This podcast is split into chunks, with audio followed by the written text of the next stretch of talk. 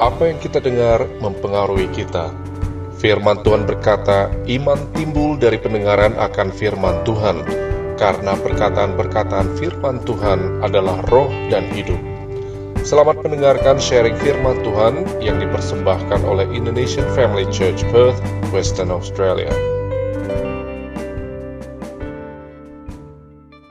Haleluya. Ih, diem. Sudah pikir saya bayinya, Pak. Ih, kok bayinya bisa langsung lahir, langsung bisa bicara. Haleluya. Amin. Tuhan itu baik. Amin. Bilang sama sebelah saudara kita masih hidup. Karena Alkitab berkata biarlah segala yang bernafas memuji Tuhan. Artinya kalau kita masih hidup, kita harus bersyukur. Amin. Sebagian sudah bilang, tapi saya nggak suka hidung saya pendeta, pipi sama hidung rata pendeta. Iya kan, tapi masih hidup. Amin. Buat apa mancung tapi inailahi wa inailahi rojiun. ya kan. Sebagian sudah bilang, saya jomblo pendeta. Aduh pendeta, saya udah doa-doa Tuhan, saya udah nggak penting yang lain deh. Pokoknya Tuhan kirimkanlah aku kekasih yang baik hati. Tapi Tuhan belum kirim-kirim. Masa di sorga nggak ada stok barang satu katanya gitu. Tetapi yang penting masih hidup saudara. Amin. Karena itu saya percaya kalau kita hidup kita harus bersyukur. Sama-sama bilang saya harus bersyukur. Amin. Saya percaya the church is the happiest place on earth. Saya percaya gereja adalah tempat terbahagia di muka bumi. Gak ada yang bilang amin semua. Saudara sebetulnya udah makan belum sih? Karena saya perhatikan orang Indonesia ini, ya kan, antara pusar sama otak dua setengah, satu, dua setengah. Jadi apa pun yang terjadi di dalam kampung tengah ini sangat berpengaruh dengan otak kita. Kalau ini kosong, ini mampet, saudara. Iya, iya kelihatan, saudara ya kan. Kalau orang bule kan antara pusar sama ini bisa empat, satu, dua, tiga, empat. Kalau kita dua setengah, satu, dua setengah. Sebagian sudah bilang sama saya, Kayaknya enggak deh, coba dulu satu, ya dua gue nyampe katanya gitu, ya kan? Haleluya. Saya percaya the church is the happiest place on earth. Lumayan mulai ada dua yang bilang amin, tapi saya ulangin aja lah nggak apa-apa, suka suka nggak suka saya ulangin lagi ya kan? Saya percaya the church is the happiest place on earth. Amin. Daud sampai bilang begini, aku bersuka cita kalau orang katakan kepadaku, mari kita pergi ke rumah Tuhan. Karena saya percaya di rumah Tuhan ada mujizat, ada kekuatan, ada sukacita, ada penghiburan, ada nasihat, ada hal-hal yang baik. Yang saya katakan amin. Buka Alkitab kita sama-sama. Kalau sudah bawa, dulu tahun 70-an saya bilang buka Alkitab sama-sama. Sekarang saya bilang mari kita pencet Alkitab kita sama-sama. Ya kan, karena sebagian sudah mulai pencet.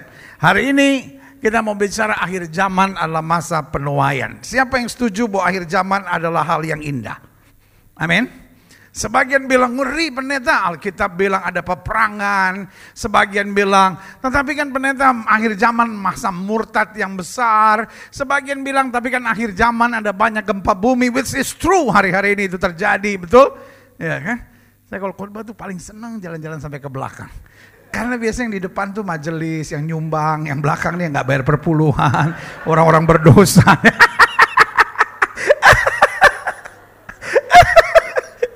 Mungkin sudah menatap saya dan berkata pendeta pendeta tuh indok banget ya. Kita di Per tuh nggak ada pendeta yang khotbah-khotbah begitu. Pendeta di sini orang gampang tersinggung. Biar aja tersinggung. Toh minggu depan saya udah pulang ya kan. Paling sering marah sama gembala saudara. Ngapain ngundang pendeta begini? Dia juga terpaksa ngundang. Saya udah ada ya kan. Masa dia nggak mau undang kebangatan. saya percaya saya seneng lihat saudara nih. Saya udah lama juga kan nggak di sini kan. Dulu saya sempat setahun loh di sini. Sebagian sudah ada, sebagian sudah nggak ada, sebagian sudah tambah tua, ya kan. Tapi saya nggak tambah tua, cuma cucu saya aja ada satu sekarang ya kan. Saya nggak mau dipanggil opa. Saya bilang sama cucu saya panggil saya jangan opa, bung. Ya. Kan enak kan? Eh, bung Gilbert gitu. saya percaya akhir zaman adalah masa yang asik. Yang setuju sama saya katakan asik. Amin. Kalau saudara tanya sama saya kenapa, lo Alkitab kan bilang dua hal tentang akhir zaman. Yang pertama, Yesus akan datang sebagai apa? Pencuri. Sama-sama bilang sama saya pencuri. Nah kalau dia datang sebagai pencuri, itu adalah scary moment. Sesuatu yang sangat menakutkan, but it's not for us. Sama-sama bilang sama saya bukan untuk kita. Bilang sama sebelah sebelah bukan untuk lu juga gitu. Lu gak usah stres ya kan. Tetapi buat kita dia akan datang sebagai apa? Mempelai. Sama-sama bilang sama saya sebagai mempelai. Amin. Kalau dia datang sebagai mempelai, ya kan? Udah yang jomblo-jomblo gak usah baper. Yang jomblo-jomblo nanti. Mempelai pendeta. Terus gimana gua dong? Kira-kira kalau bisa boleh nggak Yesus datangnya agak terlambat sedikit supaya saya bisa jadian dulu pendeta. Ya, ya. Sebenarnya jomblo adalah orang yang paling berbahagia di muka bumi. Amin. Kenapa? Jomblo tuh manusia yang paling banyak temannya, ya kan? Setiap kali nembak, lu mau nggak jadi nama gua? Kita teman aja ya, jadi teman lagi, ya kan? Hampir satu per teman gua semua, ya. Ih, pendeta bisa tertawa, saya nangis loh pendeta denger itu. Kesian suka dukanya jomblo. Eh, saudara yang kasih dalam Tuhan, akhir zaman adalah sesuatu yang asik. Sama-sama bilang sama saya sesuatu yang asik. Nah, ada banyak orang masih berpikir akhir zaman adalah sesuatu yang menakutkan, sesuatu yang kacau. I know. Tetapi buat orang yang tidak percaya, karena Alkitab akan bilang, seribu akan rebah di sisi kirimu, sepuluh ribu akan rebah di sisi kananmu, itu tidak akan menimpamu. Amin. Coba saudara gini. Iya, iya, iya, iya. Coba saudara gini. Hiha. Saudara gini. Uh-huh.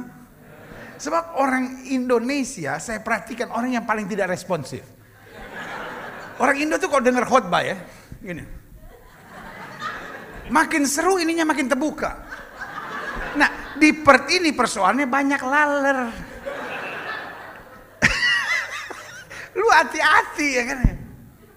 Kenapa ya gue pulang kebaktian kok kenyang ya? ya kan? Ada ampa lo bagi ya kan? Saudara, karena udah lama di Australia, jangan norak-norak kampungan gitu dong. Saya lihat muka saudara dengar khotbah gitu. Kayak norak banget gitu. Agak modern dikit, kenapa sih kok dengar khotbah gitu? Aha, gitu kayak gitu. coba coba coba gini. Aha, gitu. Ah gitu, gitu, gitu. Lu kelihatan lebih modern gitu. Udah. Ada orang bilang sama saya, pendeta, sudah 12 tahun ini aku tinggal di Peret. Maksudnya Perth. sudah 12 tahun ini aku tinggal di Peret. 12 tahun aja aku begitu, apalagi waktu baru datang. Saya percaya akhir zaman itu masa yang asik. Amin. Iya kan? Kenal kita bilang seribu akan rebah di sisi kirimu, sepuluh ribu akan rebah di sisi kananmu, tapi itu tidak akan menimpamu. Sama-sama bilang sama saya tidak akan menimpa kita. Amin. Makanya Alkitab berkata, jika anak manusia datang kembali, masihkah dijumpai iman? Sama-sama bilang sama saya iman. Amin. Berarti akhir zaman lah masa yang asik. Kalau sudah menatap saya dan berkata, kenapa asik pendeta? Karena justru dengan goncangan-goncangan yang ada, kita bilang apa? Yang dapat digoncangkan akan digoncangkan supaya tinggal tetap kerajaan yang tidak tergoncangkan. Berarti akhir zaman, the church will be the answer. Saya percaya di akhir zaman gereja akan menjadi jawaban. Saya percaya di akhir zaman orang percaya akan memberikan solusi. Kenapa ketika dunia dalam kebingungan kita punya jawaban. Sama-sama bilang saya punya jawaban. Ketika rumah tangga orang goyah, rumah tangga orang percaya akan jadi berkat. Ketika semua anak-anak muda stres, ketika rumah tangga rumah tangga goyah, anak-anak Tuhan tetap berdiri tegak dan percaya Kristus adalah jaminan kepastian yang setuju berikan tepuk tangan yang meriah. Nah, karena itu kesimpulan saya akhir zaman adalah masa penuaian. Karena Alkitab bilang di akhir zaman akan datang masa-masa yang sukar. Tapi Alkitab berkata pada saat yang bersamaan umat yang mengenal Allahnya akan tetap kuat. Sama-sama bilang sama saya, saya akan tetap kuat. Sama-sama bilang sama saya, saya akan bertindak. Sama-sama bilang saya akan menang. Sama-sama bilang saya akan jadi berkat. Yeeha! Amin. Nah, buka Alkitab kita sama-sama, klik. Aha. Yohanes 4 ayat 34 sampai 38. Kata Yesus kepada mereka, makananku apa? Ah ini nih, ini, ini buat orang lagi diet. Jadi kalau orang lagi diet ditanyain, lu nggak makan? Makananku ialah melakukan kehendak dia mengutus aku dan menyelesaikan pekerjaan yang nawarin sudah langsung bungkam. Kan orang Indonesia kan justru malah diet malah ditawar-tawarin kan. Iya kan, makin kita bilang, aduh gue lagi diet nih. Udah lah, sekali ini aja lah. Apalagi kalau orang Manado langsung dibilang ini, pinjam hari lah, pinjam hari. Ya kan? Kapan bayarnya minjem lulu, saudara-saudara ya kan. Saya punya udah bukan minjem hari lagi, udah bulan, tahun, semua udah pinjaman semua. Iya kan? Eh, makanya kalau orang ini orang diet bagus. Eh lu makan dong. Makananku ialah melakukan kehendak dia mengutus aku dan menyelesaikan pekerjaan. Langsung dia. La ilaha illallah. Astagfirullahaladzim. Ya. Yesus bilang apa? Makananku ialah melakukan apa?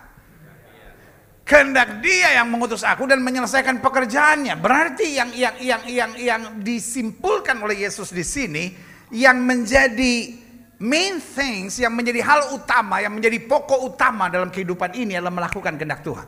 Sama-sama bilang sama saya melakukan kehendak Tuhan. Kadangkala yang kita sibuk how to reach success. Kadangkala yang kita sibuk gimana saya sukses ya, gimana saya berhasil ya, gimana hidup saya bahagia ya, gimana saya diberkati ya. Itu adalah bonusnya, itu adalah resultnya, itu adalah hasilnya. Sama-sama bilang sama saya hasilnya. Amin. Tetapi tujuannya harus melakukan kehendak dia. Sama-sama bilang sama saya melakukan kehendak dia. Nah dikatakan apa? Bukankah kamu mengatakan empat bulan lagi tibalah musim menuai. Tapi aku berkata kepadamu lihatlah sekelilingmu dan pandanglah ladang-ladang yang sudah menguning dan matang untuk dituai. Berarti today is the harvest time. Sama-sama bilang sama saya masa penuaian. Amin. Justru ketika dunia goncang, justru ketika dunia penuh dalam ketakutan, di situ orang percaya akan menyatakan kemuliaan Tuhan. Alkitab berkata akan ada masanya langit goncang. Tapi pada saat itu orang akan melihat anak manusia datang dalam kemuliaannya. Pertanyaannya lewat siapa? Bilang sama sebelah saudara, lewat lu lah. Amin. Taruh tangan kanan saudara di dada sama-sama bilang lewat saya.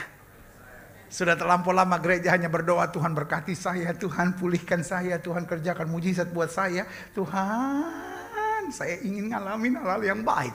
Tetapi di saatnya kita berkata Tuhan pakai saya sehingga lewat saya orang mengalami kemuliaan Tuhan yang sudah katakan amin. Selanjutnya dikatakan apa? Klik. Sekarang juga penuai telah menerima upahnya dan ia mengumpulkan buah untuk hidup yang kekal sehingga penabur dan penuai bersama-sama apa? Bersuka cita, sama-sama bilang sama saya sekarang juga. Sama-sama bilang sama saya sekarang juga. Artinya upah bukan hanya nanti setelah inna ilahi wa inna roji'un. Tetapi sama saya bilang sekarang juga. Amin. Iya kan? Tapi kita nggak akan dapat upah kalau kita nggak bekerja. Kalau kita cuma cari berkat, kalau kita cuma cari mujizat, kalau kita cuma uh, cari jawaban doa, saudara yang kasih dalam Tuhan, nggak ada upahnya. Tapi waktu kita bekerja, sama-sama bilang sama saya, saya harus bekerja. Amin. Dikatakan apa? Sebab dalam hal ini benarlah peribahasa yang seorang menabur dan yang lain apa? Menuai. Aku mengutus kamu untuk menuai apa yang tidak kamu usahakan. Orang-orang lain berusaha dan kamu datang memetik hasil usaha mereka. Nah, saya percaya ini yang Yesus bilang tentang keadaan akhir zaman akan ada begitu banyak goncangan sampai kamu belum menabur, kamu sudah melihat tuayan. Amin. Kita lihat selanjutnya, klik. Aha. Yohanes 9 ayat 4. Kita harus, sama-sama bilang sama saya, saya harus. It's not a request by God, it's a must, it's command of God. Sama-sama bilang sama saya perintah. Amin. Alkitab nggak bilang kalau bisa, kalau ada waktu, kalau kamu nggak sibuk-sibuk amat, ya kan? Orang di Perth nggak ada yang dikerjain tapi semua sibuk.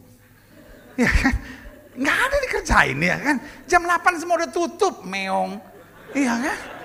Astaga. Wonosobo masih lebih rame saudara-saudara ya kan? Astagfirullahaladzim. Saya khotbah di Wamena pulang jam 10. Masih terbuka semua toko-toko. Wamena. Yang orang masih pakai koteka darah Yesus ya kan. Di Perth Orang pakai jas jam 8 kok saya tutup. saya bilang mau bikin apa ngoni di rumah jam 8 so tutup. Ya kan? Saya pulang jam 8, palang pintu di rumah saya ngomong, sudah pulang.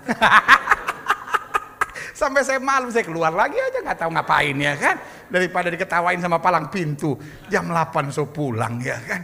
Di Jakarta jam 8 saya baru berangkat, saudara. Di sini jam 8 pulang. Cari restoran tutup. Satu-satunya cuma di situ tuh Bilili sama kampung-kampungnya situ ya kan. Oh, orang di pekerjaan nggak ada. Kalau ditanya "Ih, pelayanan ini, aduh sibuk. Lu sibuk apanya bos? Apa yang disibukin? Ya, tapi kan banyak kerjaan cuci piring. oh, dalah Yesus ampuni mereka sebab mereka tidak tahu apa yang mereka perbuat. Amin. Eh, sesibuk apa pun kita harus. Amin. Sama-sama bilang sama saya, saya harus.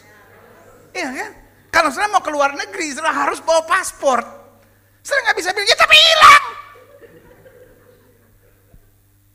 Tidak ada tawar menawar. Sama-sama bilang sama saya tidak ada tawar menawar. Amin. No reasoning, no questioning.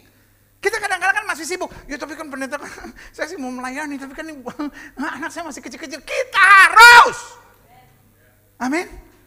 Saudara boleh datang dengan seribu satu alasan, kalau saudara keluar negeri harus bawa paspor. Saudara boleh bilang sama imigrasi, tapi paspor gue, gue gak tahu taruh di mana. Kira-kira dia mau debat nggak sama saudara? Enggak. Kalau saudara masih teriak-teriak juga, dia panggil security, dapat lokung nih kata orang Manado bilang ya kan. Dapat tangkap saudara-saudara. Selesai, ngerti nggak saya? Karena Alkitab nggak pakai bahasa sebaiknya. Alkitab pakai bahasa kita harus, sama-sama bilang sama saya, saya harus. Saya harus mengerjakan pekerjaan. Dia mengutus aku selama masih siang. Akan datang malam di mana tidak ada seorang pun yang dapat bekerja. Saya percaya this is the best time to serve God. Amin. Sama-sama bilang ini waktu yang terbaik untuk melayani Tuhan. Amin. Oma-oma, opa-opa nggak bisa.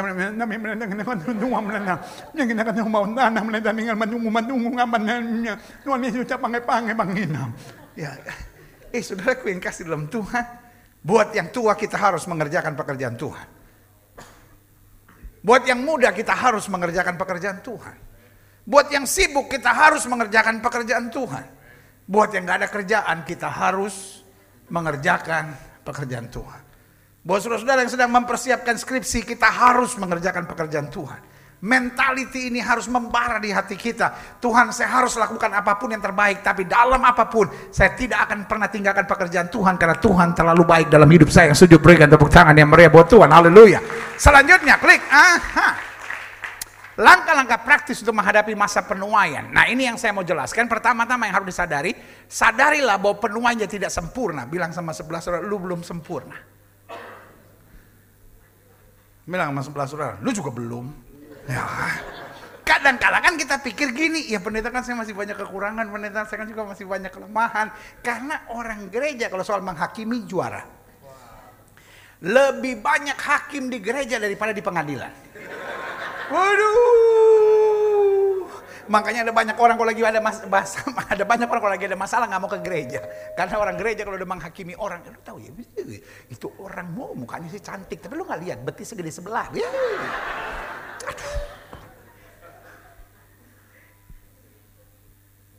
Apalagi ibu-ibu. Kalau menghakimi orang, walaupun tanpa perkataan bisa bikin orang murtad. Cuman dengan tatapan mata. Cuman gini aja nih.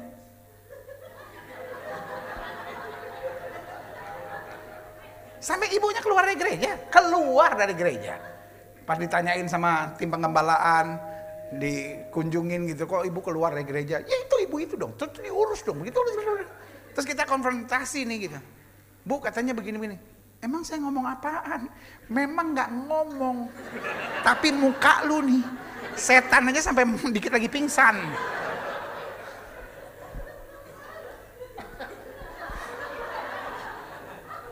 Bapak-bapak nggak bisa, cuma ibu-ibu, cuma ibu-ibu yang dapat karunia muka begitu, saudara. Ya. Gak usah ketawa bu, sadar kembali ke jalan yang lurus. Aduh, sudah mungkin nyesel, aduh kenapa gembala nggak ada ngundang manusia kayak begini eh, saudara yang kasih dalam Tuhan, jadi saya ulangi sekali lagi bahwa kita adalah orang-orang yang tidak sempurna. So, gereja harus stop menghakimi orang. Amin. Gereja harus menerima orang lain apa adanya, tapi tidak membiarkan orang sebagaimana adanya. Karena apa? Karena Tuhan menerima kita apa adanya, tapi kemudian kita dilatih. Sama-sama bilang sama saya dilatih. Makanya selalu saya bilang, church is not a showroom, church is a garage. Gereja bukan showroom, tempat orang-orang baik. Haleluya. Glory Maranatha, ya kan? No, no, no. gereja adalah bengkel. Amin. Kalau ada orang ngomongin saudara, kok dia gitu ya melayani ini? Memang. Justru karena kita belum sempurna, kita ke gereja. Kalau kita udah sempurna, kita ke sorga. Amin. Ngerti sampai di sini? Stop ngomongin orang. Karena justru karena kita belum sempurna, kita ke gereja. Kalau kita sudah sempurna, ah, mau ke sorga? Mau sekarang? Saya mau ke sorga, tapi nanti saja. Ya, ya. Nah, saudara yang kasih dalam Tuhan, pertama-tama yang harus disadari, saya penuhnya tidak sempurna. Modelnya berbeda-beda, ya kan? Model pendeta yang sekarang sedang ngomong di depan saudara kan aneh. Coba kalau semua pendeta modelnya kayak saya, habis dunia ini. Murtad semua. Iya kan? Setiap orang, loh ngomong haleluya aja beda-beda. Ada yang haleluyanya datar, haleluya gitu kan. Ada yang haleluyanya tinggi, haleluya gitu kan. Ada yang haleluyanya turun, haleluya gitu kan. Ada yang haleluyanya getar, haleluya. Ada yang pakai ehonya agak panjang, haleluya. Itu kalau doa malam berdiri bulu kuduk gitu. Yang kan bulu kuduk kata orang Manado itu bulu idong berdiri ya kan. Eh, saudara kayak kasih dalam modelnya berbeda-beda. Iya kan? So ngapain kita saling sibuk satu sama lainnya? Saling nyesat-nyesatin satu sama lainnya. Eh, no, kita berbeda. Justru berbedanya itu yang bikin dunia ini ah, asik. Ya kan? Ada yang doanya kayak orang kepedesan Tuhan. Nah itu kan, ya kan biarin saja, ya kan. Gak usah dikritik. Itu doa kenapa kepedesan? Kan memang gitu. Ada orang yang kalau doa kayak orang kepedesan. Tuhan. Nah gitu kan. Ada yang seperti kayak kurang sukacita. Tuhan, hari ini aku datang Ah, ya kan? Sepenggal kata cek, sepenggal kata cek ya kan? Ada yang doanya pakai oh haleluya Tuhan. Oh haleluya. Kami datang. Oh haleluya. Ya kan? Biarkan saja Saudara-saudara. Karena model kita berbeda. Beda. Justru yang asiknya karena kita berbe berbeda. Bahkan selanjutnya tugas kita pun berbeda-beda. Ya kan? Ketika tugas kita berbeda-beda, mari kita saling apa melek melengkapi. Klik. Aha.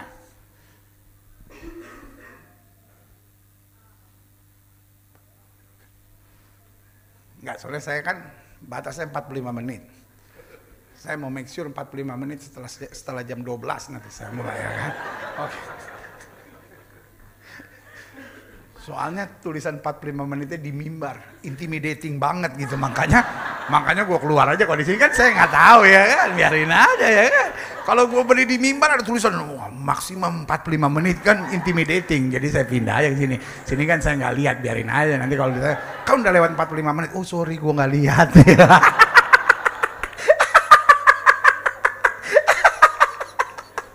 nah, langkah praktisnya satu. Mari kita sadar diri. Sama-sama bilang saya harus sadar. Dunia ini penuh dengan orang-orang mabok. Bilang sama sebelah sebelah, jangan mabok kenapa? Sadar. Ada banyak orang hidupnya terlalu pahit sampai udah gak sadar. Ada banyak orang kalau udah ngomongin pendeta, ada orang kalau udah ngomongin gereja, itu kayaknya gimana gitu. Pendeta, pendeta, dan kita nyamber aja lagi. Oh iya memang. udah kayak bensin aja. Eh ada banyak orang mabuk dalam apa? Kepahitannya, kekecewaannya. Come on, wake up. Sama-sama bilang sama saya, saya harus sadar We are not living in Eden yet. Kita belum tiba di sorga. Hello, pengkhianat masih banyak bos. Saya kan udah lama nih nggak ke Perth nih. Saya cuma mau tanya, di Perth pengkhianat masih banyak nggak? Penjilat masih banyak nggak? Coba tanya sama sebelah saudara, lu nggak salah satunya? Bos, saya udah bilang kalau kita masih ada kekurangan kita pergi ke gere, gereja. Kalau sudah sempurna kita ke sor ke surga bos. Jadi sadar aja we are not living in Eden yet. Ada orang memfitnah kita, ya kan? Kita sadar aja oh this is one of the kind, ya kan? Biarin aja. Ya kan? Kenapa sih kalau kita difitnah kita kayak kayak Tuhan gitu mesti buat jangan menyebut nama saya dengan sembarangan, ya kan? Baru diomongin orang. Mulut-mulut dia, masa kita mau atur apa yang dia keluarkan dari mulutnya? Iya kan? sok seleb banget sih saudara ini. Diomongin orang tersinggung. Ya pendeta saya itu nggak tahan pendeta. Masa dia ngomongin begini, begini. Sadar diri aja. Saya ini hanya ha? hamba. Hamba tuh nggak marah-marah. Yang suka marah-marah bos. Sering ingat waktu sudah di Jakarta nggak? Di Jakarta kan rata-rata setiap rumah ada pembantu kan? Iya kan? Kan kalau di Jakarta kan sudah pulang jam 2, kadang kala jam 12 malam, jam 1 pagi. Ya kan? Padahal pulang kantor jam 6. Macetnya sampai jam 1 pagi itu. Kalau di Jakarta kan begitu kan Jakarta. Kalau di Perth pulang jam 1 pagi ngapain lu? Baru dari Sydney lu. Sebenarnya gue yang kasih dalam Tuhan. Kita kan kadang-kadang kalau di Jakarta kan pulang jam 12 malam, jam 1 pagi gitu. Terus waktu kita buka pintu, terkunci. Kita bel, net. Mbak keluar. Aduh bu maaf ya, dia yang minta maaf. Kita pulang jam 1, dia yang minta maaf. Betul nggak? Ada nggak pembantu-pembantu yang jam 1 pagi kita net, terus dia marah-marah. Nyonya, nyonya kayak perempuan nakal ya baru pulang jam segini ya. Ngapain aja sih nyonya begini? Saya memang pembantu di sini, tapi sekali lagi nyonya buat begini, saya nggak akan buka pintu.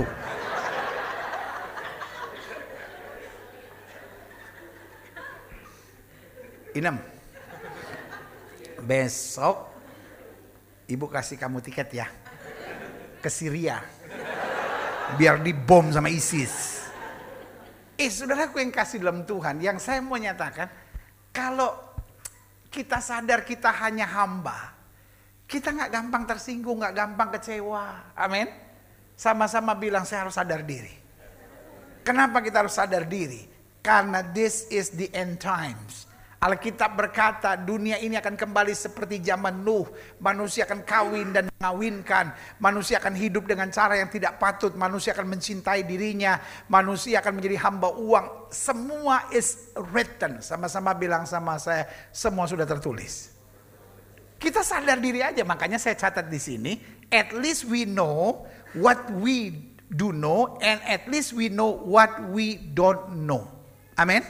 Untuk hal-hal yang kita nggak ngerti, nggak usah paksa. Untuk hal-hal yang kita ngerti, jalanin aja, saudara. Kita ngerti kok Tuhan kita dahsyat. Amin. Tetapi kadang-kala iblis berbisik sama kita. Kayaknya kamu nggak akan kuat. No, no, no. Alkitab saya bilang roh yang alam kita lebih besar dari roh yang alam dunia ini. Apa yang sudah saya tahu saya harus praktekkan. Sama-sama bilang sama saya, apa yang saya tahu? Saya harus praktekkan. Apa yang saya tidak tahu, saya serahkan pada Tuhan. Amin. Kenapa kita stres? Yang kita nggak tahu, kita ngotot. Yang kita nggak bisa, yang kita nggak sanggup, kita paksakan dengan kekuatan kita. Yang kita nggak sanggup, serahkan pada Tuhan. Amin. Saya nggak sanggup pendeta diomongin orang.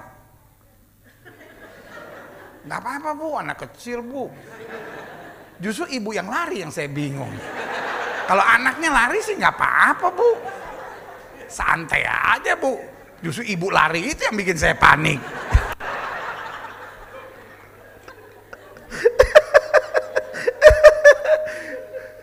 Anak lari nggak usah dikejar bu, cuma di sini. Kalau suami ibu lari ya itu baru kejar. saya seneng nih di gereja ini orangnya lucu-lucu nih. Bener juga ya. Church is the happiest place on earth. Saya bingung loh orang kalau masuk gereja tuh. Kayak pasang muka wibawa gitu. Iya kan? Malaikat aja mau datang. Aduh ngeri ah. Jutek. iya kan? Jadi saya ulangi sekali lagi. You have to know what you don't know. Kalau hal-hal yang kita tahu, kita praktekkan aja. Makanya ulangan 29 ayat 29 gak usah buka ayatnya percaya saja pasti betul saya udah persiapan. Ya kan ulangan 29 ayat 29 bilang gini, hal-hal yang tersembunyi adalah bagi Tuhan. Hal-hal yang dinyatakan adalah bagi kita. Artinya apa? Yang saya bisa, saya harus berjuang. Tapi hal-hal yang saya nggak bisa, saya nggak usah stres. Saya nggak usah panik. Kita nggak bisa kok. Serahin aja sama Tuhan. Saya tahu Tuhan tidak pernah mengecewakan kita. Yang setuju katakan amin. Yang kedua langkah praktisnya gimana kita bisa jadi penuai. Mari kita berpikir luas, jangan ribet. Don't be a ribet person. Bilang sama sebelah sebelah, lu jangan ribet ngapa sih? Bu, duh ibu-ibu kalau udah bikin ribet, ribet banget. Persoalan kecil bu, persoalan kecil, itu bisa, aduh. Sampai dari Fiji, Tasmania semua tahu bu. Boleh nggak bu hidup jangan dibikin ribet. Amin. Murid-murid Yesus bikin ribet aja. Ada orang buta, mereka bikin ribet, guru siapa yang salah? Dia yang salah atau orang tuanya yang salah? Yesus nggak bikin ribet. Yesus bilang, bukan dia yang salah, bukan orang tuanya yang salah. Perbuatan Allah akan dinyatakan dalam hidupnya. Ribet nggak? No, my God is not a ribet God. Ya, sekarang orang lapar. Murid-murid ribet. Guru suruh mereka pergi ke kampung-kampung. Sebab uang 200 dinar nggak cukup untuk membelikan roti. Ribet nggak? Ribet. Orang-orang ribet jangan pelayanan. Orang-orang ribet bikin kacau dalam pelayanan. Nggak maju-maju pelayanan kalau ada orang ribet. Bener deh saudara-saudara. Dan orang ribet dilarang pacaran. Orang ribet piara ikan koi saja. Iya kan? Karena kalau orang ribet pacaran terus jadi nikah, aduh. Mendingan tukar tambah di pedia, eh, tokopedia.com atau buka lapak saudara-saudara. Pak bini lu ribet nggak pak? Nggak enak pendeta dia ada di sebelah ini. Bu, bu, oh ini bapak-bapak semua. Bu, jawab kenapa dipanggil? Bu, Laki lu ribet nggak bu? Aduh. Pak, Pak, saya kasih tahu ya Pak ya. Istri secantik apa pun Pak, istri secantik apa pun, kalau ribet, aduh. Bapak kami Pak, bener deh Pak. Ya itu kalau cantik pendeta, nah istri saya udah jelek ribet lagi pada ayah. Itu mah dosa tujuh turunan Pak. Pak. Saya pelajari orang yang berbahagia adalah orang yang gak ribet. Karena mujizat itu gak ribet. Ada orang 38 tahun lumpuh. Terbaring di kolam Bethesda. Dia ada di tempat yang tepat, tetapi dia ribet. Karena tempat itu tempat mujizat. Yesus tanya sama dia, maukah engkau sembuh? Kalau saya tanya sama saudara, maukah saudara seribu dolar? Jawaban saudara apa? Yes or no. Simple aja. If you think you like it, just say yes. If you think you don't like it, just say no. That's it. Betul? Iya kan? Yesus tanya, maukah engkau sembuh? Ribet jawabannya. Guru tidak ada orang yang menurunkan aku ketika airnya. Kan gue tanya, maukah engkau sembuh? Tiba-tiba Yesus jawabnya apa? Angkat tilammu dan berjalanlah. Ribet nggak? That is my God. Itulah Tuhan yang saya sembah. Amin. Bu, mulai hari ini boleh nggak? Jangan ribet, Bu. Ada persoalan ya itu. Kalau kita bisa atasi, atasi. Nggak bisa atasi, serahkan pada Tuhan. Amin. Pokoknya hidup jangan bikin ribet aja. Ada banyak masalah terjadi, kenapa ribet saudara? Amin. Yesus adalah Tuhan yang nggak ribet. Alkitab saya bilang ada seorang wanita pendarahan 12 tahun. Iya kan? Lalu Yesus lewat. Dia bilang apa? Asal ku jamah jubahnya, aku sembuh. Ribet nggak saudara? No. Amin? Enggak. Dan waktu dia jamah jubahnya sembuh. Orang-orang yang nggak ribet dapat mujizat. Orang-orang yang ribet bikin persoalan di mana-mana. Amin? Iya kan? Alkitab saya bilang ada seorang wanita tertangkap basah berbuat zina. Diseret di depan Yesus, ribet banget. Menurut hukum Musa dia harus dilempar batu sampai mati. Ribet nggak? Yesus bilang gini, barang siapa yang tidak berdosa lempar duluan. It's very simple, iya kan? Tapi even though very simple, but very deep. Artinya dalam saudara-saudara, iya kan? Satu ngelempar, dia berzina ketahuan, gue berzina nggak ketahuan. Sama-sama dosa dong ya kan? Dia berzina, gue nipu. Podo wae ini ya kan? Akhirnya semua. Yesus ribet nggak? No. Yesus bilang wanita itu. Mana yang lain? Pergi. Yesus bilang apa? Aku pun tidak menghukum kamu. Pulang dan jangan berbuat dosa lagi. Uh, Dalam hidup saya, saya percaya segala yang ribet pasti bukan dari Tuhan. Sama-sama bilang sama saya, segala yang ribet pasti bukan dari Tuhan. Karena jalan Tuhan selalu simpel. Yesus bilang apa? Minta maka kepadamu akan diberi. Cari maka kau akan dapat. Ketok maka bagimu pintu akan dibukakan. Yang setuju katakan amin. Taruh tangan kanan selalu di dada sama-sama bilang sama saya, saya tidak boleh ribet. Adik-adik muda belajar hidup santai, belajar hidup lurus, belajar hidup jujur. Alkitab bilang kalau kamu tidak miring ke kiri maupun miring ke kanan, hidup kamu diberkati. Amin. Dalam rumah tangga masalah besar kita kecilin, masalah kecil kita hilangin. Jangan dibuat ribet. Apa-apa dipikirin, apa-apa diomongin, apa-apa dipersoalin. Belajar percaya Allah turut bekerja dalam segala hal untuk mendatangkan kebaikan. Yang setuju katakan, iya. Amin. Yang ketiga, langkah praktisnya. Mari kita membangun super tim, bukan menjadi superman. Iya kan? Jangan lihat apa pun bersaing, jangan lihat apa pun mencari kekurangannya. Bu, Bu, Pak, eh, bapak-bapak mantap nih. Pak, tuh bapak-bapak walaupun jarang ke gereja, tapi kalau ditanyain jawab gitu. Pak, Bu, lihat nggak ada yang jawab kok ibu-ibu heran Pak. Pak, Bu. Nah, udah tujuh kali baru ya. Saya aja setengah jam ketemu bapak, ketemu ibu-ibu udah stres. Apalagi ibu laki lu yang seumur hidup ya kan. Nyaut kenapa kok dipanggil? Bu, boleh nggak lihat apa pun jangan lihat kekurangannya. Setan pengen apa pun yang kau lihat kau lihat kekurangan. Kau lihat anakmu kekurangan, kau lihat suamimu kekurangan. Sebentar-bentar dia bilang mas suami, pak gini dong, pak gini dong, pak gini dong.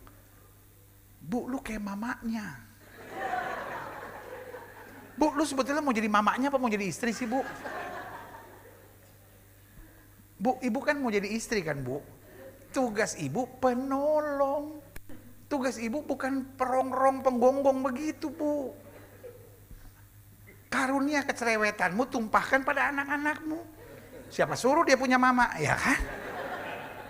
Kan kalau punya mama kan bukan pilihan. Iya kan? Tetapi kalau jadi suami kan pilihan. Lu udah dipilih masih juga kayak mamanya. Banyak suami-suami menyesal punya istri dia mikir aduh Tuhan.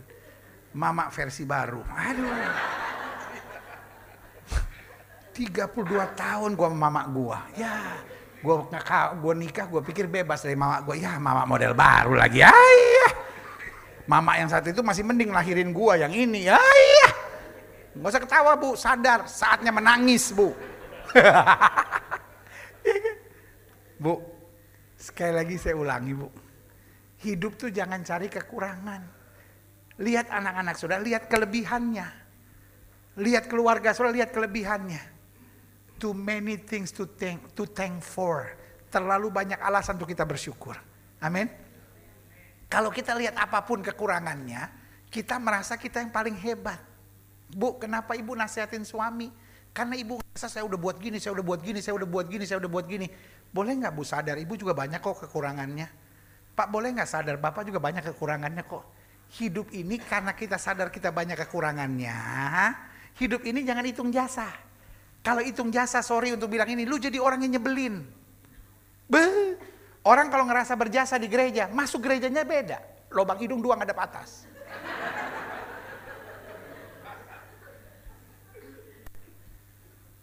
Orang kalau merasa berjasa di mana pun apa? Nyebelin. Sorry saya kalau ngomong apa adanya. Saya sekolah dari dulu nggak pinter-pinter ya. Maksudnya kalau orang pinter bahasanya juga bagus kan. Kita sebagai orang yang sudah diselamatkan oleh darah kemuliaan. Wah bahasanya mantap. Kalau saya nggak bisa gitu. Ya kan, pas-pas lah bahasa saya lah. Yang penting lu ngerti, gua ngerti, ya udah bahagia gitu ya kan. Eh, saudara kan, saudara, orang yang merasa berjasa pasti apa?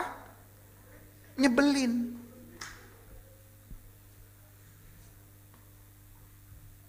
Orang ganteng itu baik. Orang yang merasa ganteng nyebelin. Orang cantik itu baik. Orang yang merasa cantik nyebelin, saudara.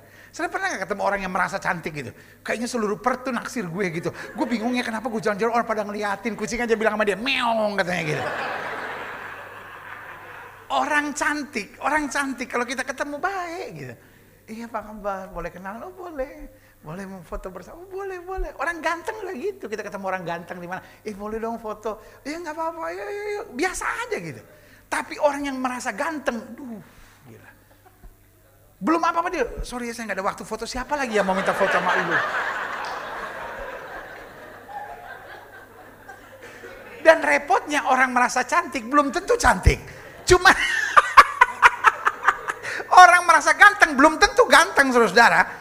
Pas-pas aja lah gitu ya kan. Makanya orang kalau merasa berjasa, ayah mama, darah Yesus. Di gereja nyebelin. Di rumah tangga juga gitu. Kalau orang merasa berjasa, ini kan semua gara-gara saya. Kalau bukan karena saya pendeta, suami saya itu dulu. Cuma dagang bakwan pendeta.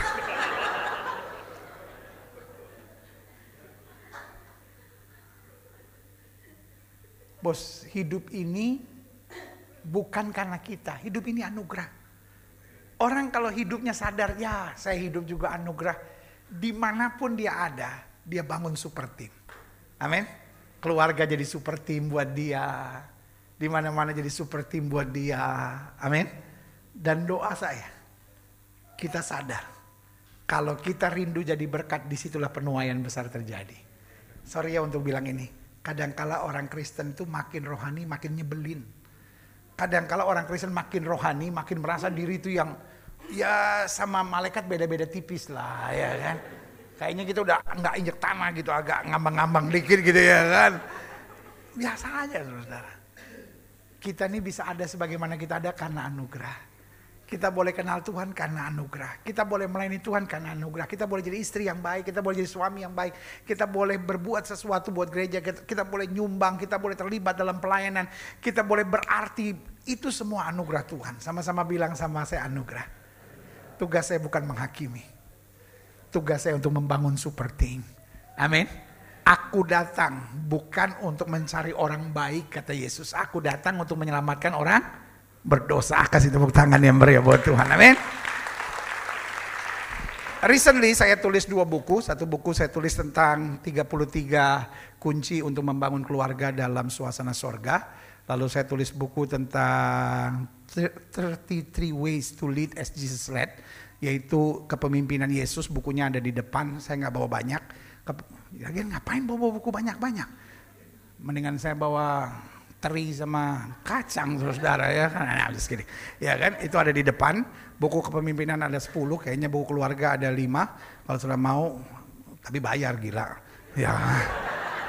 Mau lu pikir gratis lagi ya kan? Nah, tapi 15 dolar ya kan? Saya percaya itu jadi berkat buat saudara-saudara sekalian ya kan? Uh, di Jakarta harganya 150 ribu. Dolar sekarang berapa? 9.900 kan gue untung 100 perak tahu ya kan? Kidding. Ya kan? Kira-kira buku ini jadi berkat buat setiap saudara. Uh, karena yang saya percaya itu persoalan hari-hari ini orang sekarang senang sekali cari kekurangan orang. Apa aja senang cari kekurangan orang? Kalau saudara mau bangun rumah tangga yang bahagia mulai dengan lihat kelebihan bukan kekurangan. Amin? Kalau saudara mau bangun komunitas yang kuat, kalau saudara mau hidup jadi berkat, kalau saudara mau jadi penuai di akhir zaman, mulai belajar bukan jadi Superman tapi super super team. Iya kan? Who is Superman? Orang yang merasa saya hebat. Orang yang merasa semua karena saya. Sama-sama bilang semua karena Tuhan. Amin. Yang terakhir, klik. Akhirnya sampai juga yang terakhir. Ada 14 hal yang saya mau sampaikan yang terakhir ini. Mungkin sebagian saudara, jam berapa dia selesai? Darah Yesus. Ya kan? Yang keempat yang terakhir saya pelajari. Mari kita bekerja keras tanpa berjiwa kompetisi dengan rekan sekerja di ladang Tuhan. Sama-sama bilang sama saya, saya harus kerja keras. Tadi saya bilang kita masing-masing punya kekurangan. Kita masing-masing berbe berbeda. Dan kita masing-masing punya tugas dan tanggung jawab. Artinya apa? Tugas kita maju bersama. Sama-sama bilang sama saya tugas saya maju bersama. Karena pada dasarnya setiap kita hamba Tuhan. Amin. Taruh tangan kanan saudara di dada sama-sama bilang saya hamba Tuhan. Bertahun-tahun gereja tertipu dengan istilah begini, ada hamba Tuhan, ada rohaniawan, ya kan? Padahal istilah ada ada rohaniawan, ada jemaat awam. istilah jemaat awam selalu saya bilang pembodohan dari setan. Kalau saya menatap saya bilang, Gilbert apa-apa setan, apa-apa setan, aneh-aneh. Lu itu pembodohan dari setan, kenapa? Karena jemaat awam kadangkala cuma license to sin. Karena saya merasa, saya kan bukan orang pelayanan pendeta, saya kan bukan rohaniawan, saya kan bukan hamba Tuhan. Jadi saya ya berjina-berjina dikit bolehlah pendeta, uh, nonton tayangan cabul bolehlah pendeta, lalu uh, ya nipu-nipu dikit bolehlah pendeta, ya kan. Nah, Kalau saudara lihat dalam Matius 25, cuma dua sebutan di akhir zaman.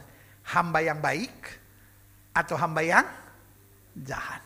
Sama-sama bilang sama saya, hamba yang baik atau hamba yang jahat. Berarti kita semua adalah ha? hamba. Sama-sama bilang saya hamba Tuhan. Amin.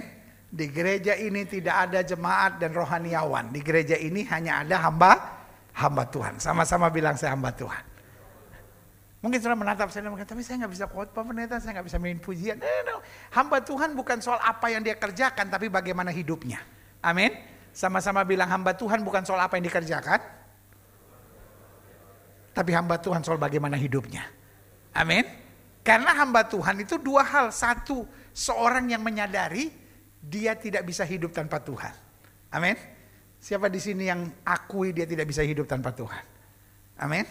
Dan yang kedua adalah seorang yang menyadari semua yang dia punya berasal dari Tuhan. Siapa yang sadar semua yang saya punya berasal dari Tuhan? Ketika kita sadar saya tidak bisa hidup tanpa Tuhan, ketika saya sadar semua yang saya punya berasal dari Tuhan, berarti kita hamba hamba Tuhan. Sama-sama bilang saya hamba Tuhan. Karena saya hamba Tuhan, saya harus kerja keras. Betul ada tantangan, tapi nggak usah pusing sama tantangan. Tugas kita bukan menyelesaikan semua persoalan-persoalan kita. Hal-hal yang kita bisa, kita selesaikan. Hal-hal yang kita nggak bisa, Yesus yang akan menyelesaikannya buat kita. Berikan tepuk tangan yang meriah buat Tuhan. Saya undang kita semua bangkit berdiri. Kita datang pada Tuhan. Ku pandang wajahmu dan berseru pertolonganku datang darimu peganglah tanganku dan lepaskan kaulah harapan dalam hidupku. Sama-sama. Ku pandang wajahmu dan berseru. Dan berseru. Pertolonganku. Pertolonganmu datang darimu. Peganglah tanganku. Peganglah tangan katakan aku perlu banget Tuhan jangan lepaskan. Kaulah harapan. Kaulah harapan dalam hidupku. dalam hidupku Come on church, sama-sama katakan Ku pandang wajahmu. Ku pandang wajahmu. Hanya dengan pandang wajah Tuhan aku tenang berseru. Hanya dengan pandang wajah Tuhan aku Pertolongan Aku tahu ada pertolongan bagiku daripada Katakan Yesus Pegang tanganku dan jangan lepaskan. Jangan lepaskan. Kaulah harapan. Harapan. Dalam hidupku. Musik main dengan sangat lembut. Setiap mata terpejam. Setiap kepala tertunduk. Setiap hati terangkat kepada Tuhan. Hari ini di rumah Tuhan kita diingatkan. Ini adalah masa penuaian kita sedang sibuk dengan persoalan kita, kita sedang sibuk dengan masalah kita, kita sedang sibuk dengan kekurangan orang, kita sedang sibuk menghakimi orang. Kita sedang sibuk mencari berkat dan mujizat, padahal Tuhan bilang kita harus mengerjakan pekerjaan dia. Kita kadang kala sibuk dengan ya nanti kalau selesai masalah saya, saya melayani Tuhan. No, no, no, kita harus mengerjakan pekerjaan Tuhan. Jika itu apa yang sudah percaya, taruh tangan kananmu di dada dan bilang Tuhan saya harus. Saya terlalu banyak questioning God. Saya terlalu banyak mencari-cari alasan dan mempertanyakan kenapa begini, kenapa begini. Tapi hari ini saya ambil kesimpulan, saya nggak mau jadi orang yang ribet. Pokoknya saya jadi orang yang taat, saya jadi orang yang setia, saya jadi orang yang melakukan yang terbaik karena saya sadar saya hanya hamba. Saya ditebus oleh darah yang mahal dan saya dipersiapkan untuk sesuatu yang luar biasa. Jika itu doamu, taruh tangan kananmu di dada. Ibu, ada banyak masalah terjadi karena you are very complicated. Engkau ribet banget dalam segala hal. Boleh nggak sih serahin semuanya sama Tuhan? Jadi orang yang lebih tenang, jadi orang yang lebih sabar, jadi orang yang gak menghakimi orang, jadi orang yang gak merasa berjasa. It's all because of His grace. Semua itu karena anugerah Tuhan. Boleh nggak kita jadi orang yang melihat yang positif? Banyak kok yang sudah Tuhan buat dalam hidup kita. Banyak kok berkat yang sudah kita terima. Sehingga kita nggak jadi orang yang apa-apa komplain, apa-apa mengeluh, apa-apa bersungut. Masih terlalu banyak setan pengen yang kau mengeluh, bersungut. Lihat istrimu, lihat suamimu. Selalu yang kau lihat hanya kekurangannya. Tapi yang Tuhan mau kau melihat berkat-berkatnya, anugerahnya, kasih setianya. Jika itu doamu, taruh tangan kananmu di dada. Ingat Yesus bilang, mereka kamu yang letih lesu dan berbeban berat, aku akan beri kelegaan kepadamu.